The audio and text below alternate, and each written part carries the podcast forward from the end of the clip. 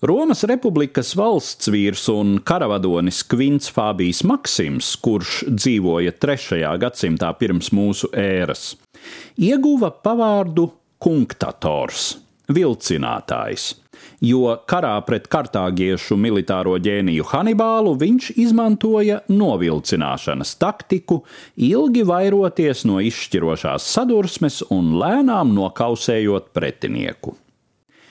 Jums pacietīgi jānogaida īstais brīdis, kā to darīja Fābijs karā pret Hanibālu, kaut daudzi pēla viņa vilcināšanos, bet, kad pienāk laiks, jums līdzīgi kā Fābijam jādod trieciens ar visu spēku, jo citādi jūsu gaidīšana būs bijusi velta un neauglīga.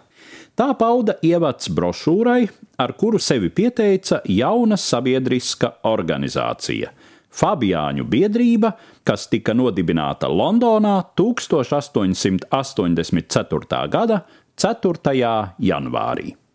Fabiāņu biedrības mērķis ir iedarboties uz angļu tautu, lai tā pārskatītu savu politisko satversmi demokratizācijas virzienā un organizētu savu ražošanu sociālistiskā veidā tā, lai materiālā dzīve kļūtu pilnīgi neatkarīga no privātā kapitāla.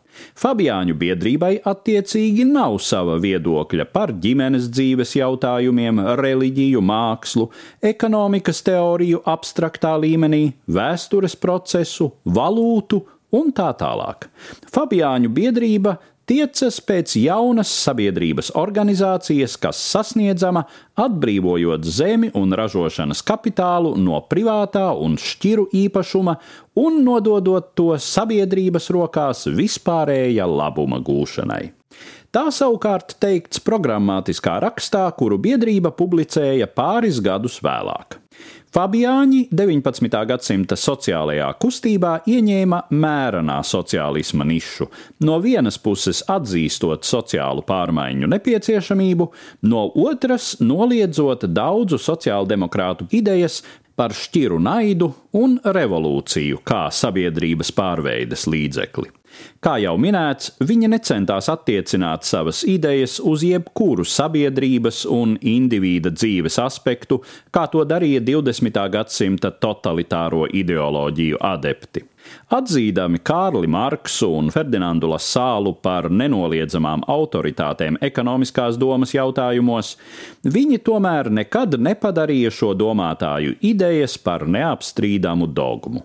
Fabiāņu darbības stūrakmens ir ideju pastāvīga pārbaude un pieskaņošana dzīves iespējām un prasībām, un izpratne, ka demokrātiskā sabiedrībā kompromiss ir politiska progresa nepieciešams priekšnoteikums. Starp Fabiāņiem bijuši daudzi izcili intelektuāļi. Lai pieminām vien ekonomistus Sidniju un Beatrisi Vēbus, Džonu Mēnārdu Keinsu, Džordžu Koulu, rakstniekus Bernārdu Šovu, Herbertu Velsu, Leonārdu un Virģīniju Vulfus.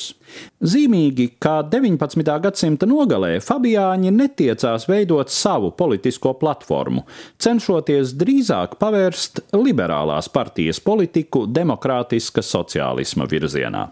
Līdz ar Leiboristu partijas nodibināšanos 1900. gadā Fabiāņu biedrība kļuva lielā mērā par šīs partijas ideju ģeneratoru un personāliju kalvi. Visi britu premjerministri no Leiboristu partijas ar Remziju Makdonaldu sākot ar Gordonu Braunu beidzot bijuši Fabiāņi. Stāstīja Eduards Liniņš.